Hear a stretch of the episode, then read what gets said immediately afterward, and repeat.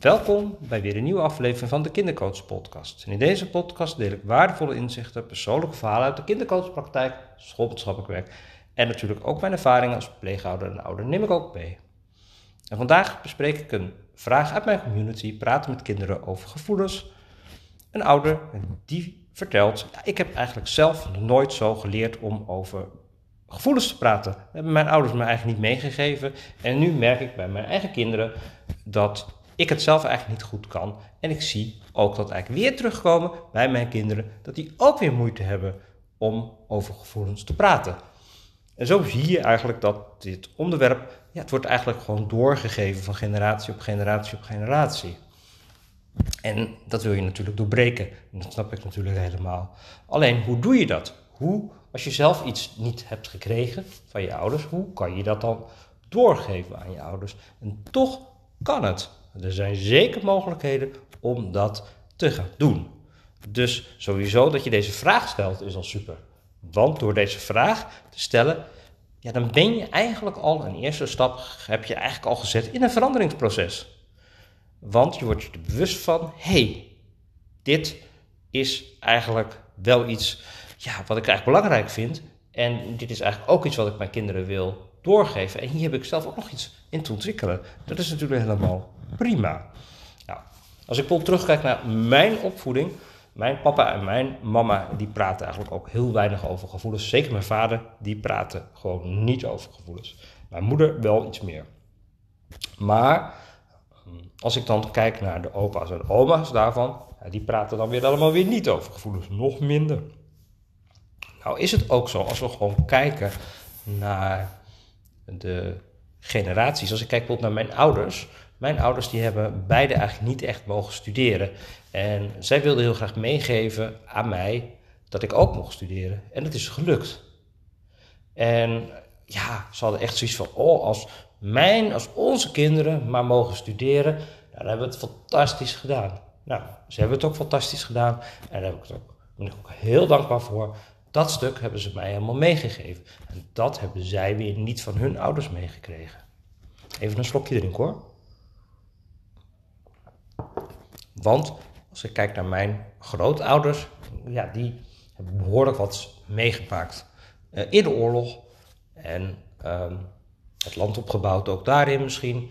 Uh, in ieder geval, ja, er zijn heel veel verhalen, alleen ik weet ze niet, want er is niet over gesproken. En ik weet wel dat er ook echt wel heftige dingen zijn gebeurd in die tijd.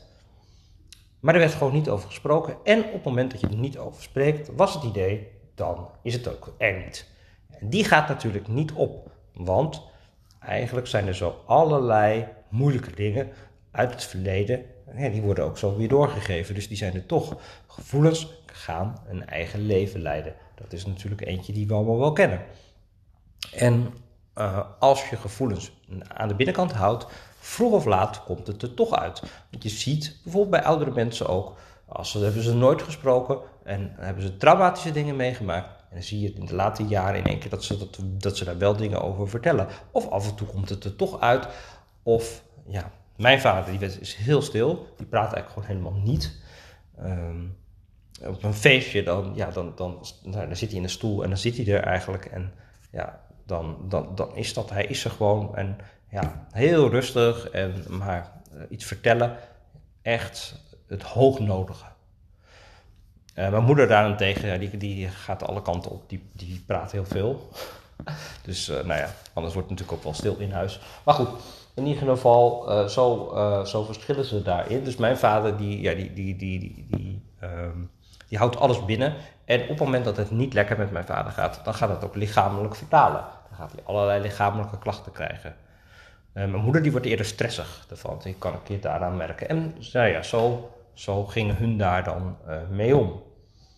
Uh, wat natuurlijk ook kan, is dat als je je boosheid binnenlaat, dat in één keer als er heel boos eruit komt. Dat is natuurlijk ook een hele, een hele bekende. In ieder geval, maar het is heel goed om te weten dat als je zo kijkt naar de patronen die er zijn, dat je dan denkt van ja, goh, ik heb gewoon dingen niet meegekregen van mijn ouders. En maar nu wil ik dat wel verkrijgen, want dat is wel belangrijk. Maar dat kan natuurlijk wel, hè? net zoals dat mijn ouders mij de ruimte hebben gegeven om te scholen, geef ik onze kinderen bijvoorbeeld heel veel psychologische en emotionele zorg. Nou, ik ben het zelf gaan studeren ehm, en ik ben me enorm gaan voeden met psychologische uh, ja, methodes en theorieën en opleidingen en ja, tot, tot daar waar ik nu ben. Dus het mooie is, ja, ik ben gewoon van alles gaan vergaren wat ik niet heb gekregen, zodat ik zelf mijn psychologische zorg kon regelen. Dat wat mijn ouders me niet hebben kunnen geven. Um, en wel belangrijk is. En nou, onze kinderen, die krijgen nu weer zoveel psychologische zorg. Dus die zullen weer iets anders gemist hebben. En zo ja, gaat het gewoon op generatie op generatie op generatie. En geven we uh, zaken door. Maar we kunnen dus ook ervoor kiezen om dingen te veranderen. En dit gaan we echt heel anders doen. Nou, en dat kan jij natuurlijk ook doen. Want uh, nou, er zijn natuurlijk ontzettend veel opvoedideeën. Zijn zo doorgegeven door, van onze ouders. En ja, het is natuurlijk aan ons. Nemen we die mee of gaan we het helemaal anders doen? En het is natuurlijk gewoon superleuk om eens te kijken van... Ja, maar waarom doe ik dit nou eigenlijk? En kan het ook anders? Nou, dat is in ieder geval één. En dus je kan ook zeggen van... Nee, ik ga het anders doen. Ik wil wel mijn kind meegeven, eh, praten over gevoelens. Want ik vind het belangrijk dat mijn kind zich kan uiten. En ik ga het zelf doen. Want mijn ouders zijn natuurlijk het grote voorbeeld van onze kinderen. Dus dat betekent ook dat je vanaf nu, gewoon nu, op dit moment, gewoon kan zeggen van ik ga ruimte geven aan mijn gevoelens. En ik ga gewoon proberen om erover te praten. Dat is natuurlijk super interessant. Ehm, en als je daar goed de tijd voor neemt, dan komt er van alles. Dat zal je merken.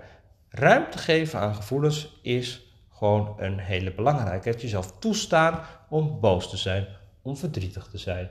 En ga eens kijken wat er komt. En je zal merken dat er misschien ook van alles komt um, wat je weggestopt hebt. En hoe werkt dat? Dat kan ik je natuurlijk ook uitleggen. Misschien ken je wel het liedje wat we voor onze kleuters zingen. Ehm, en als je zo kleutertjes, peutertjes, hè, die, nou ja, de meest spannende, moeilijke dingen maken we mee tussen 0 en 6. En dat is de leeftijd waarin de grootste trauma's ook allemaal ontstaan. Uh, ons geheugen is ook nog niet zo goed op dat moment, zodat we dat ook vaak niet heel goed kunnen terughalen. En toch uh, ja, uh, ontstaan alle fobieën, alle moeilijke dingen, trauma's, eh, weet je, dat soort dingen ontstaan in deze leeftijdsperiode. Um, en dat zit dus ergens in ons. En dat wordt af en toe getriggerd. Nou, dus als je bij kleuters bijvoorbeeld. Ja, die maken natuurlijk alles mee. Die gaan naar de, naar de peuterspeelzaal. En ja, er is niet altijd iemand die zeg maar uh, altijd kan anticiperen op kinderen. Want af en toe is er niemand. Hebben ze wel steun nodig. En dan kunnen ze niet, uh, niet de emoties uiten. Dan gaan ze groot doen. Prima als ze groot doen. En dan in één keer, dan stoten ze hun teen ergens of dat. Of, en dan komt er een hele riedel uit. Misschien herken je dat ook wel. En als je dan zo'n liedje zingt. Hel maar, hel voor je zere teen. Of nou ja, wat Hel maar. Nou, dat liedje. Uh, dan, als je die zo helemaal doet, zo'n helliedje, dan zie je dat in één keer een enorme hoeveelheid huilen erbij komt. Soms is het gewoon een hele cola fles die eruit komt. Er komt van alles uit. En uh, ja, dat, dan lucht dat helemaal op. En dan uh, laten, kinder, la, laten kinderen dat gewoon allemaal gaan. En uh, ja, en eigenlijk hier, als je ruimte wil geven aan gevoelens, dan gaat het eigenlijk hierom. Dus op het moment dat jij ook jouw teen stoot, en je voelt eventjes, en je drukt het niet gelijk weg, maar laat het gewoon eventjes. Ga gewoon even zitten, laat het even komen. Laat eens eventjes de boosheid komen, de angsten komen. Laat het maar eens gewoon komen. En dan zal je merken dat je het heel goed kan verdragen. Je gaat, de wereld gaat niet weg. Jij blijft gewoon bestaan. Jij kan ook een naargevoel echt verdragen. En je wordt er sterker van. En dan zal je zien dat er, nou ja, dat je gaat kan kijken van wat zit er eigenlijk onder, wat zit er onder het boze stuk. En dan zou je misschien merken van, hé, hey, ik werd heel boos, maar daaronder zit eigenlijk gewoon een heel stuk verdriet. Ehm, nou, op die manier kan je daarmee aan de gang gaan. Nou ja, dan zou je zeggen van ja, dat vind ik ook wel heel, heel lastig. En hoe kom ik dan in gesprek met mijn kind? Ehm, ja, ik heb natuurlijk mijn e-book geschreven, Praten met kinderen over gevoelens. Daar geef ik ook heel veel praktische tips in hoe jij samen met je kind kan praten over gevoelens. Dus dat is natuurlijk ook gewoon een hele uh, mooie. Maar uh, waar het vandaag om gaat is, als je nooit hebt geleerd om zelf over je gevoelens te praten, betekent het dat je daarin zelf mag investeren. Het kan betekenen, als je echt veel hebt meegemaakt vroeger, dat het misschien ook gewoon handig is om zelf voor jezelf een leuke therapeut te organiseren en om dat te regelen. Als ik kijk naar uh, mijn leven als, uh, nou ja, als psycholoog, als maatschappelijk werker, heb ik heel veel intervisie en heb ik heel veel psychologische begeleiding ook gekregen. Om gewoon met de dingen om te gaan die ik op mijn pad krijg. Om gewoon helemaal gezond te zijn. Dus dat is ook gewoon een, een hele slimme om te doen. Als je denkt van ja, dit wil ik. Om voor jezelf ook iets te regelen. Uh, nou, dat is in ieder geval ook een uh, hele mooie.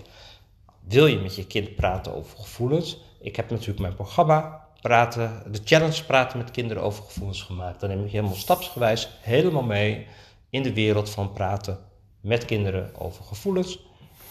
En ik kan je nu alvast een beetje gaan verklappen dat ik rond mijn verjaardag, 17 juni, ga ik een leuke actie doen. En um, dan ga ik weer een groepsgewijze challenge doen. En dan ga ik weer het hele programma nog een keertje doorlopen. Het is al een steengoed programma hoor. En mensen zijn super blij als ze doorlopen. Maar ik heb eigenlijk weer zoveel nieuwe dingen gemaakt, zoals nu ook weer deze podcast. En ja, die kan er eigenlijk ook natuurlijk gewoon helemaal in. En dan wordt het nog waardevoller. En uh, ja, dan ga ik nog meer delen. Dus uh, ja, dan ga ik dat zo een beetje doorlopen. En dan ga ik gewoon weer eventjes weer een beetje aanvullen. En zo wordt het programma weer mooier en mooier en mooier. Nou, ben je ook nieuwsgierig naar praten met kinderen over gevoelens? Uh, ga dan even naar mijn website, klik hem aan. Hij kan hem, je kan hem altijd doorlopend volgen. Dat is ook heel leuk. Dus je kan op elk moment hem aanklikken en dan ga je hem gewoon doen. Dus als je denkt van nou, ik doe hem nu helemaal goed en je hebt hem. Ik had hem eerst in drie weken. Ja, het is een tiendaagse challenge. Dan kom je lekker in de flow en in trip. En dat is natuurlijk lekker om gewoon hem achter elkaar te doen. Uh, maar als je hem gewoon Um, als je er meer tijd tussen doet, hè, en dat snap ik ook wel, er zitten ook oefeningen bij die je samen met je kind wilt doen. En ja, dat, om dat te organiseren heeft natuurlijk een beetje tijd ook nodig. Dus op een gegeven moment ben ik hem maar drie dagen gedaan. Dus heb ik de, dan kan je één dag doen in drie dagen. En dan heb je ook nog een lekker ritme. En dan kan je ook een beetje plannen en een beetje verwerken. ook heel lekker. Um, en toen later dacht ik, want toen kregen natuurlijk mensen, ja, ik heb corona en nu kon ik hem niet doen. En nou weet je zo. Um, en wat ik dus nu gedaan heb, is dat ik gewoon uh, alle mensen gewoon uh, nog een veel langere periode, ik geloof drie maanden, in ieder geval drie maanden, misschien dat ik hem zelfs op een half jaar heb, dat weet ik even uit mijn hoofd niet meer zo. Maar in ieder geval heb ik hem verlengd en dan kan je gewoon heel lang deze challenge blijven doen. Dus super waardevol. Nou, dan zijn we zo aan het einde gekomen van deze podcast. Wens ik je een fijne dag. Vond je deze podcast waardevol? Laat even een reactie achter, altijd leuk. Uh, je kan hem ook even abonneren. Dan krijg je ook elke keer weer een linkje op moment, een seintje op het moment dat er een nieuwe podcast voor je klaar staat. En dan wens ik je een hele fijne dag. Doei doei!